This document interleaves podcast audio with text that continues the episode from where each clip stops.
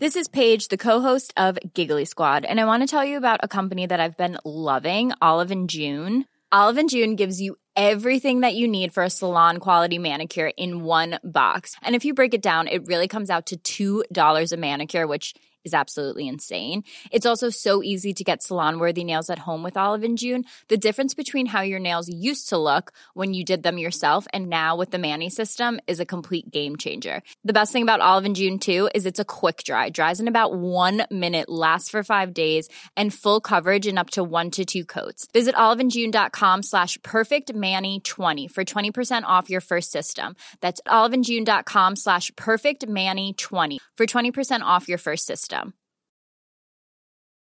Life is full of what ifs. Some awesome, like what if AI could fold your laundry? And some, well, less awesome, like what if you have unexpected medical costs? United Healthcare can help get you covered with Health Protector Guard fixed indemnity insurance plans. They supplement your primary plan to help you manage out of pocket costs. No deductibles, no enrollment periods, and especially no more what ifs. Visit uh1.com to find the Health Protector Guard plan for you.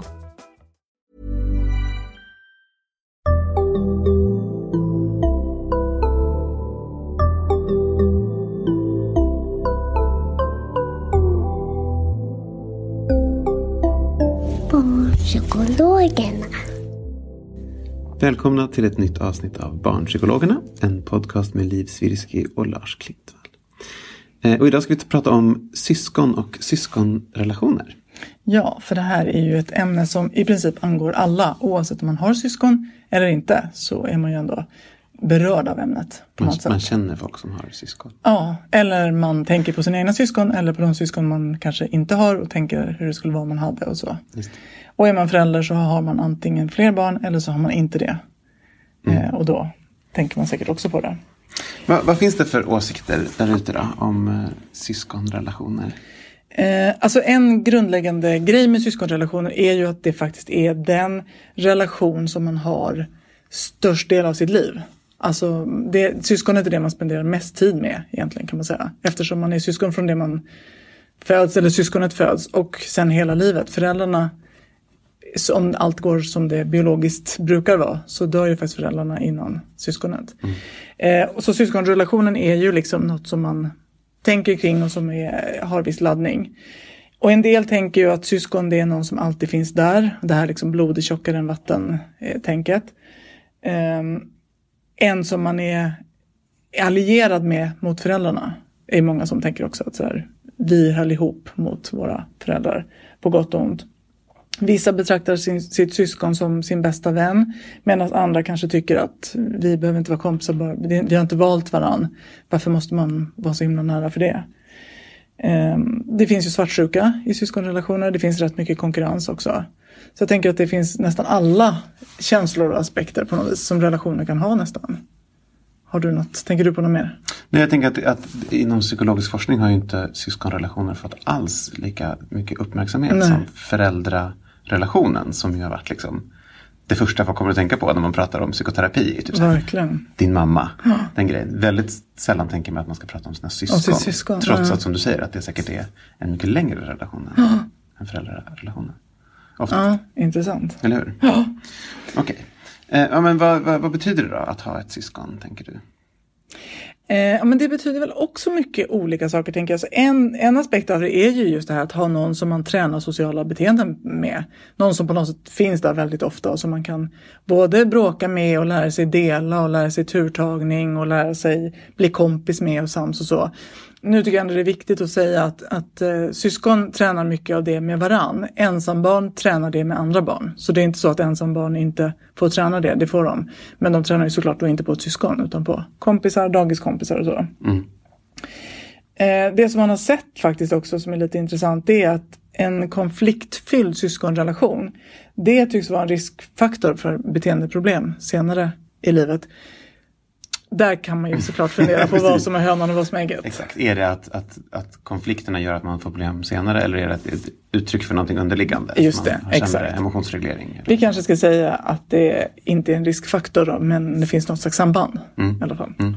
Ehm, ja, ja, Predicerar, skulle man kunna säga. Man ska peta in. Ja, så kan man säga. Just det. Eh, ja, men så att helt enkelt man kan lära sig my- mycket med sina syskon men det kan också vara tufft Mm. att ha syskon. Så kan man väl säga. Det tror jag att alla som har syskon har den upplevelsen. Ja. Jag tycker det var tufft. ja, precis. Det som många också funderar på det är ju det här med ordningen i syskonskaran. Mm. Är det skillnad att vara äldst eller yngst eller mittemellan eller tre av fem eller? Alltså det är så kul. Jag hade en mormor som var besatt av det här. För liksom, mitt första möte med psykologi som vetenskap det var min mormors teorier om hur syskonskara påverkar ens personlighet. Hon Vad hade hon för teorier? Åh gud, vad hade, jag tror att det var svårt att liksom pinpointa det. Jo men hon hade en teori om att, att stora syskon skulle bli ihop med småsyskon. Om man skulle bilda kärleksrelationer så skulle det vara bättre att man eh, blev ihop med någon av den andra typen. Liksom, så att man matchade varandra. Eller så att man liksom kompletterade. Ja, precis. Det var hennes teori i alla fall. Så. För då utgick hon från att det fanns ganska tydliga skillnader. Det utgick hon absolut ifrån. Exakt, att hon var så här, typiskt stora syskon, typiskt småsyskon.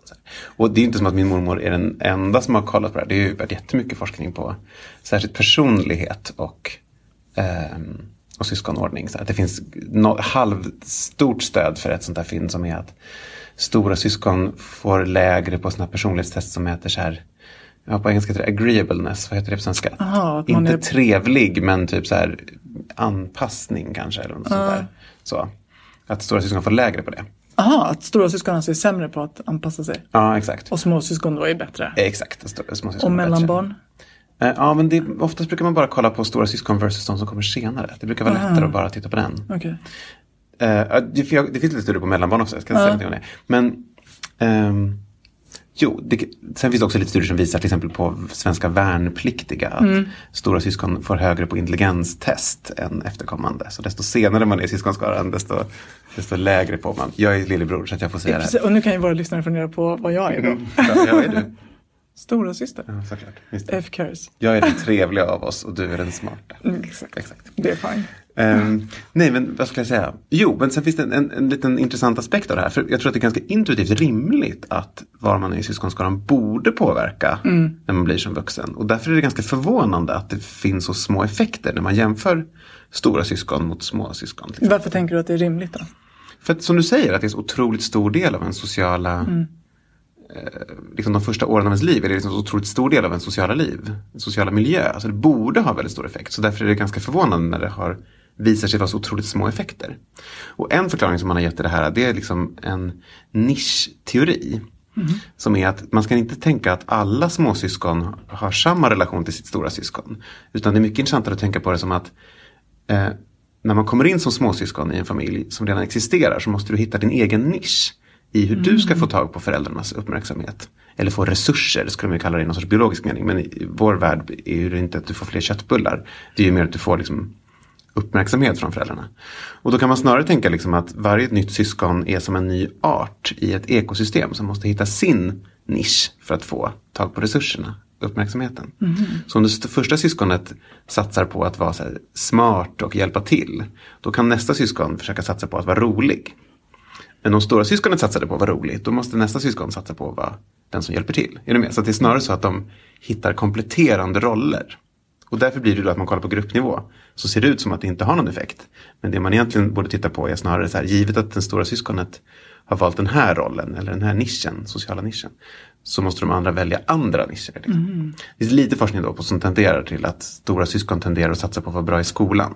Medan småsyskon tenderar på att satsa mer på till exempel sport. Eller liksom kulturella grejer. Finns det lite stöd för. Men det är Och ganska det skulle då svajigt. kunna sammanhänga med att stora syskon är först på att börja skolan. Ja men exakt, exakt. Så- Och då, får de, då kan de bli bra på det.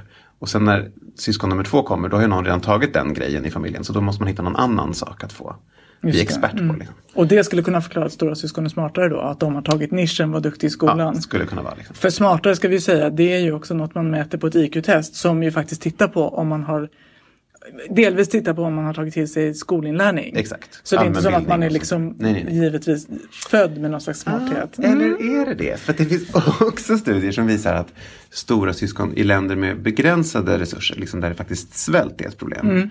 Då visar det sig att stora syskon tenderar att bli längre än småsyskon.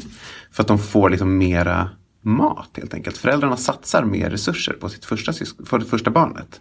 Dels för att första syskonet har ju en period där det är liksom det ensamma barnet i familjen. Där den får alla resurserna från föräldrarna. Mm. Och kommer man senare så måste man ju dela med de äldre barnen. Liksom. Eh, det är nog en förklaring. Och den andra, liksom mer biologisk darwinistiska förklaringen är att föräldrar kommer satsa på det barnet som har störst sannolikhet att överleva till vuxen ålder. Och desto äldre man är, desto närmare är man ju att nå vuxen ålder. Så det är rimligt biologiskt för föräldrarna att satsa mest resurser på det barnet som har kommit längst. Liksom. Så. Så då, och det finns det också studier som visar på, liksom på fåglar och sånt där, att de tenderar att satsa mest resurser på det äldsta barnet, äldsta syskonet. Och massa forskning på att det äldsta barnet ser till att försöka göra sig av med konkurrens från yngre syskon genom att döda dem till exempel. Eh, att man liksom, eftersom man konkurrerar om samma resurser. Och samma mat och, och samma dryck. mat. Exakt. Så är det biologiskt rimligt att evolutionen kommer skapa liksom, eh, konfliktsökande hos stora syskon mot små syskon för att ta bort konkurrensen om resurserna. Liksom. Så det betyder att den konkurrens och konflikter som vi ser mellan syskon faktiskt skulle kunna ha en rent biologisk Ja, skulle kunna ha. ursprung. Så, Ja. Det kan ju också bara vara att man vill ha samma bil. Pryl. Mm. Liksom, pryl liksom. Men att det skulle kunna finnas någon slags driv i att vilja ha samma saker och vilja få behålla Mm. samma saker. Liksom. Exakt. Det är ju hemskt att tänka på det, så när, när de sitter och bråkar om vem som ska få spela tv-spelet. Att egentligen skulle du vilja hacka ihjäl din lillebror. Men det finns det ingen forskning som säger. Kan vi Det, det, det, det, här blir man generaliserar Ja, från, precis. Mm. från djurstudier. Liksom. Absolut. Men det är ändå en kul, en, en kul tanke. Mm. En hemsk tanke. Det är det ju snarare. Finns det annat då som är typiskt för syskonskaran? Eller Eh. platsen i syskonskaran? Eh, Ja, man kan ju också säga till exempel det här med, som du frågade om mellanbarn. Mm. Att mellanbarn är ju faktiskt i en ganska speciell situation jämfört med alla andra eftersom både stora syskon och minsta syskonet har en period när de är ensamma med föräldern Mm. hemma. Är man, först så är, finns det ju en period innan de andra barnen föds. Och är man sist så kommer det finnas en period när de andra barnen har flyttat ut och du är sist kvar. Liksom. Men mellanbarnen måste alltid dela på föräldern Mm. eh, med någon annan.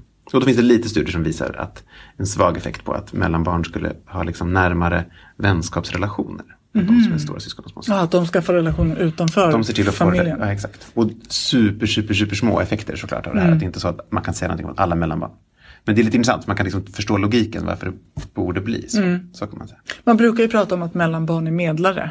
De är duktiga på att så här, amp- liksom, Mm. Ja, Okej, ja, det vet jag inte. Vad... Nej, och det vet jag inte heller om det stämmer. Men jag bara tänker att det är en sån sak man ibland hör. Att de har vant sig vid att vara i mitten liksom, och få medla åt båda håll på något vis. Ta Mm.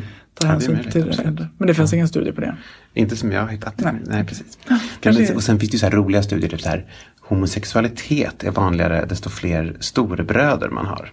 Finns det studier som visar. Homosexualitet hos... Hos män alltså. Hos ja, män, ja, precis, precis, just det. Att män, sannolikheten att du blir homosexuell ökar desto fler storebröder du har. Mhm. Och då finns det antingen att det där är någon sorts inlärningsteori, att du har liksom upplevelser av att, eh, vad ska man säga, homosocial närvaro som gör att du associerar det sexuellt. Eller så är det någon sorts eh, Alltså en livmoderhormoneffekt. Att Mhm. mängden testosteron skulle kunna minska desto fler liksom, manliga foster som man haft. Mhm. Superspekulativt såklart. Men det, det är ett ganska stabilt fynd att homosexualiteten blir vanligare med fler storebröder. Mhm. Vilket ju är jätteintressant. Du, homosocial, vad betyder det? Att umgås med någon av samma kön. Mm, Okej, bra. Förtydliga det. Mm. Det är bra.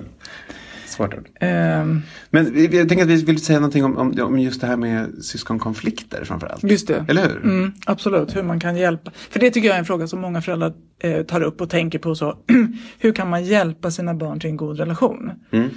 Ehm, och, och då tänker jag så här, det finns lite olika aspekter för det. För en aspekt är ju också så här, för vems skull ska de ha en bra relation? Alltså, ibland kan man få en känsla av att det finns en viss form av Alltså att det är förälderns önskan om att, att, att barnen ska ha en god relation för att det anses fint eller så. Och jag tänker att man kanske ändå ska tänka att det ska vara för barnens skull. Det tror jag många gör också. Men att, att man verkligen har det som fokus. Att vill de ha en bra relation med varandra?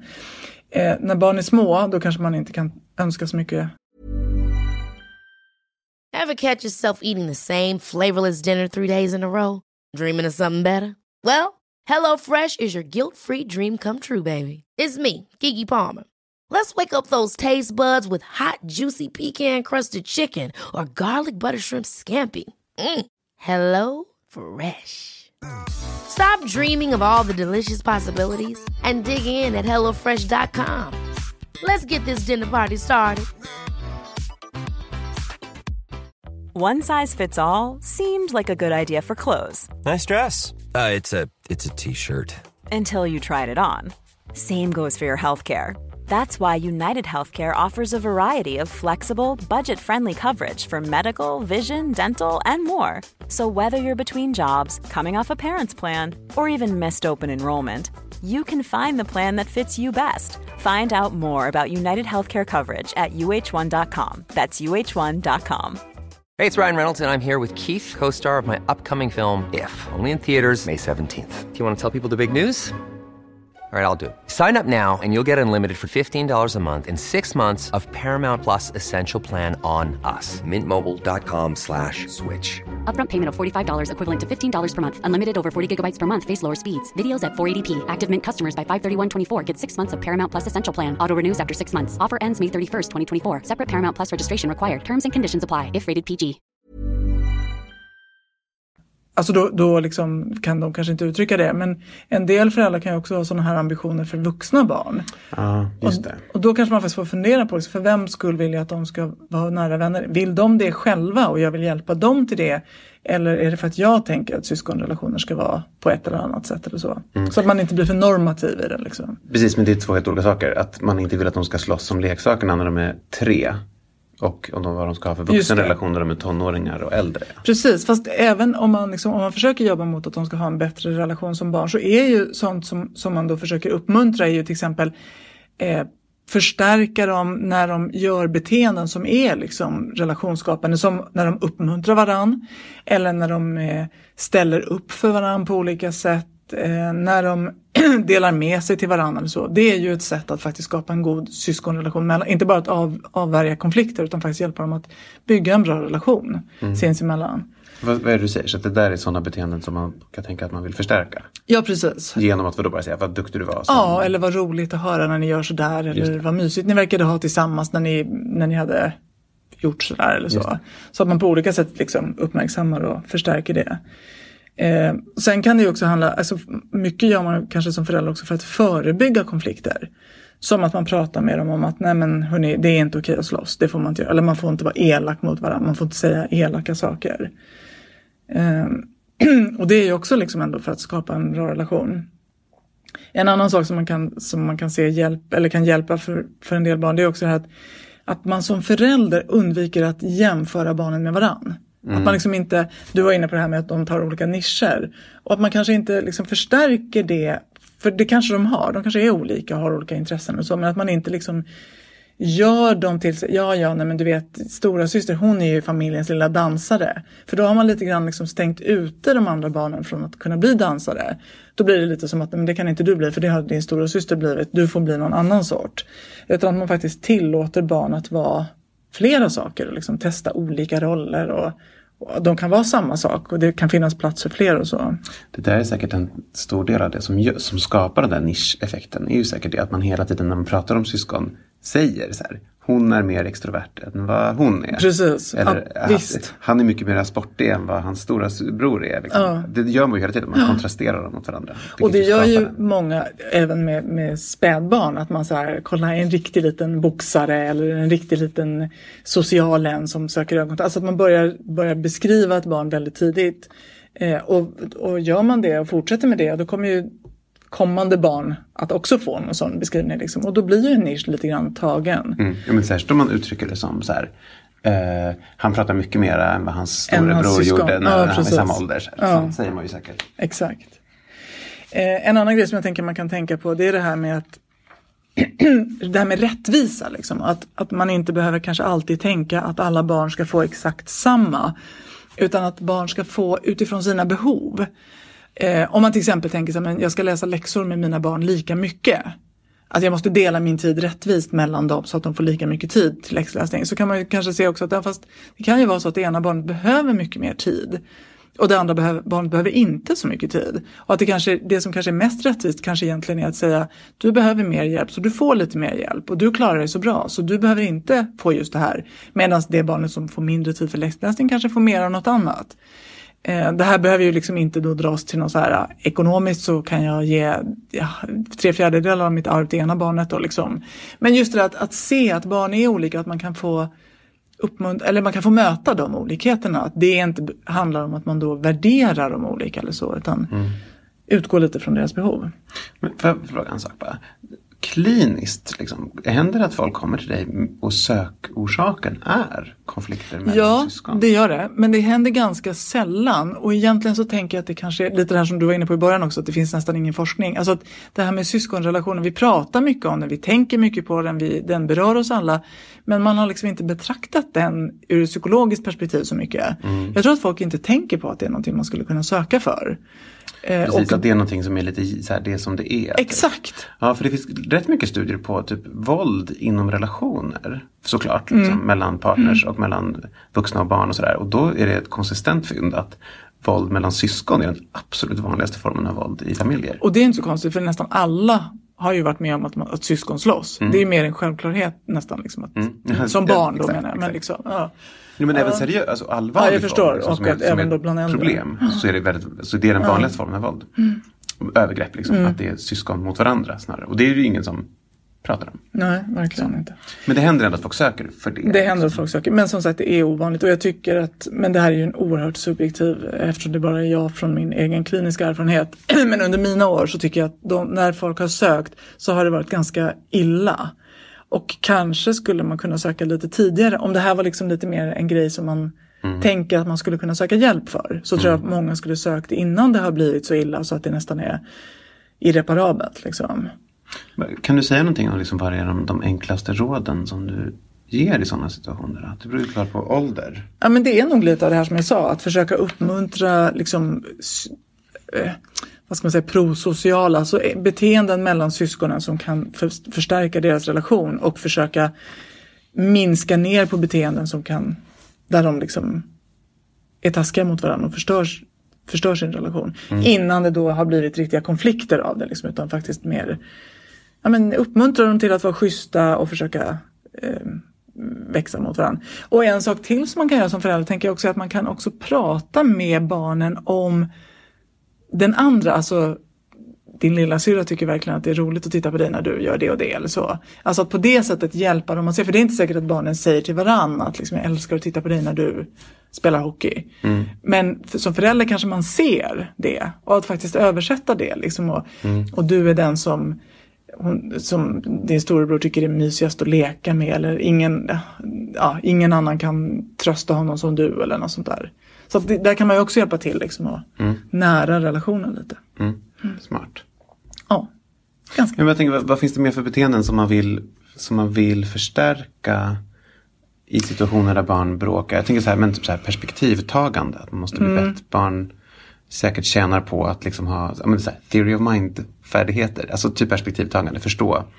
Vilket blir det betyder att alltså andra? kunna sätta sig in i en annan persons, Exakt. liksom se saker från en annan persons synvinkel. Precis. Det är hur det som hur man blir det för kallar, din lillebror om du gör så här? Ja, det är det som man ibland kallar för perspektivtagande eller Ja. theory of mind. Mm. Och det är absolut, eh, det som jag tänker att framförallt är viktigt att syskon lär sig, det är väl det här med att hantera konflikter när de hamnar i dem. Ja, och att själva få göra det, så att inte, för ibland så tänker jag att föräldrar eh, ganska snabbt lägger sig i och särar på barnen eller hörni, det, det, nu vet jag inte vem som lekte med den här men nu tar vi bort den så att ingen Just leker med den. Just det. Så då tar man egentligen bort en chans för barnen att lära sig Exakt. en konfliktlösningsstrategi. Precis, där de kanske istället hade kunnat så här, få hålla på lite liksom. Och där man kanske också som förälder skulle kunna närma sig lite så här, hörni, nu är det svårt att veta vem som ska leka med den där grejen. Ja, så kan man ju tänka sig att barnen då, ja det var min, jag hade den först. Så, ja. Och båda tycker att de hade den först. Att man lite grann guidar dem i det snarare än att man direkt liksom löser åt dem. Att, Hur ska ni göra då? För kanske att de då här, vi lägger bort den. För de har ju liksom varit med om en massa konflikter som vuxna har löst åt dem. Så de kanske har lärt sig något i, även av det. Eller så har de haft, liksom, sett andra bråka och liksom, på dagis och förskola och så. så att man, man vill att de ska ha en liten repertoar av konfliktlösningsförslag. Liksom, som Ja, och har de inte det så kan man försöka lite grann att liksom, med lite ledande frågor guida dem till det så att de ser att okej, vi skulle faktiskt kunna göra så att du får ha den först och sen får jag ha den en stund eller så. Och då kan man sen uppmuntra dem hur mycket som helst för att ni löste den där konflikten själva hörni. Det där gick ju superbra. Just det. Men och om det är så att det är ett stora syskon som blir våldsam mot ett småsyskon. Ja, och precis. Det är klart att det måste finnas gränser där man säger att nej, nu räcker det till exempel våld. Att är man, är man orolig, att man kanske också säger ifrån. Nu vet inte jag längre vad som händer här, om ni bara låtsasbråkar eller inte. Men jag blir skraj när jag ser det här. Så nu drar vi en gräns. Jag vill inte att ni fortsätter den här leken. Mm. Och så får man väl höra efter sen. Var det faktiskt en lek? Var båda med på det här på lika villkor och så? Men, men liksom, absolut att det finns lägen där man som förälder ska ingripa, liksom måste göra det. Ja, men ingripa och dels ingripa men framförallt kanske fundera på om, om det går att undvika att situationen ens en gång uppstår. Om det inte går att lära barnet att han, lära sig att hantera den på ett bättre sätt kan vi fundera på om det går att sätta upp leken innan så att inte bråket ens kan uppstå. Ja, såklart, precis. Att man ger dem reglerna i förväg. Ja. Eller ni kan inte leka med den här leksaken på samma gång. Eller vad det nu kan vara för någonting. Mm. Eh, och, eller om lösningen är att lära det äldre barnet någon sorts emotionsreglering. Att känna igen när den håller på att bli arg och Mm. gå därifrån. Eller gå och hämta en vuxen. Eller vad det kan vara som den måste göra för att Mm. inte hamna i det bråket. Gissar jag. Ja men absolut, visst det kan man ju göra. Eh, men jag tänker att har man, har man syskon som är ganska vanliga barn så tror jag att de lär sig det väldigt mycket hela tiden. Liksom. Att barn tränar ju på lek och samvaro hela sin vakna tid nästan. Ja, och när de blir äldre har de flesta slutat slå sina. Exakt, Så precis, så det, exakt så det kommer väl lite av sig själv. Eh, men att man uppmuntrar och att man just det här kanske tänker på att jag ska inte slänga mig in i det här och lösa det här åt dem direkt utan jag ger dem en chans att försöka först. Mm. Och så länge man är där och ger dem den chansen då har man ju också möjligheten när som helst att ingripa. Men när man väl har gjort det då är det ju för sent för dem att försöka. Mm. Kan man ju säga. Så. Ja, den, om man inte lyckas, jag använder det till att modellera en konfliktlösningsstrategi då. att det är det det. man gör när man går in. Att Precis. precis. Det här är ett sätt vi kan lösa den här konflikten. Just det, men då, då griper man ju inte in egentligen själv utan då guidar man Ja, snarare. hellre såklart. Mm, ja, precis. Du har ju kollat på om det finns någon data på det också i behandlingsforskning. Om det fungerar. Ja, men problemet är att det har forskats ganska lite på sådana här interventionspaket för att Mm. minska våld. Eller konflikter ska jag säga. Mellan eh, syskon. Men det som finns visar att, att man, kan, man får ganska bra effekter på liksom, social kompetens och minskade konflikter. Man får effekter. Så, men de är ganska små. Eh, det är inte alls i storleken av liksom, andra behandlingsformer som vi har pratat om tror jag. Eh, där man är ganska säker på att går man i behandling så kommer det bli bättre. Och så ser det inte alls ut med de här. Utan man, kan- man får effekter för vissa barn. De blir bättre på och bråkar mindre. Men det är inte liksom övergripande. Så. Och det är väl säkert för att man har forskat på det ganska lite. Så att de studier som finns är ganska utforskande. Så här, vi testar lite det här, vi testar lite det här. Men ingen vet än riktigt vilka komponenter det är som kommer fungera. Liksom. Så förhoppningsvis så kommer det att läsa bättre ut i framtiden. Eftersom det är ett ämne som ändå har börjat forskas på. De, senaste, de här studierna som har kommit är liksom bara sedan de senaste eh, 10-15 åren. Så det kommer förhoppningsvis mer får man hoppas. Och det känns ju som att det skulle vara ett ganska roligt ämne. Eller hur? Ja, verkligen. Ja, men och just som sagt, eftersom det är ett ämne som berör så många så skulle det vara kul om vi hade lite mer hårddata. Exakt. Så vi inte behöver hamna i tyckande bara eller så. Utan, Exakt. ja, spännande. Ja. Eh, vi, tycker vi att vi är färdiga? Jag tror det. Där. Ja, bra. Eh, tack Liv. Tack Lars. Och tack till er som lyssnar. Eh, det kommer ett nytt avsnitt snart och till dess kan ni följa oss på Barnpsykologerna på Facebook och på Instagram där vi heter Barnpsykologerna underscore podd. Hej då! Hej då.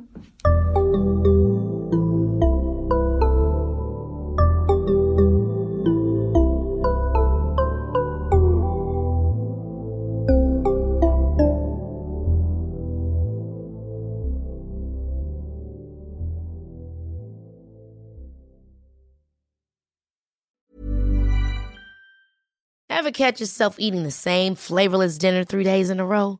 Dreaming of something better? Well, HelloFresh is your guilt-free dream come true, baby. It's me, Kiki Palmer. Let's wake up those taste buds with hot, juicy pecan-crusted chicken or garlic butter shrimp scampi. Mm. Hello Fresh. Stop dreaming of all the delicious possibilities and dig in at HelloFresh.com. Let's get this dinner party started. Imagine the softest sheets you've ever felt. Now imagine them getting even softer over time. That's what you'll feel with Bowl and Branch's organic cotton sheets. In a recent customer survey, 96% replied that Bowl and Branch sheets get softer with every wash. Start getting your best night's sleep in these sheets that get softer and softer for years to come. Try their sheets with a 30-night guarantee. Plus, get 15% off your first order at bowlandbranch.com. Code BUTTERY. Exclusions apply. See site for details.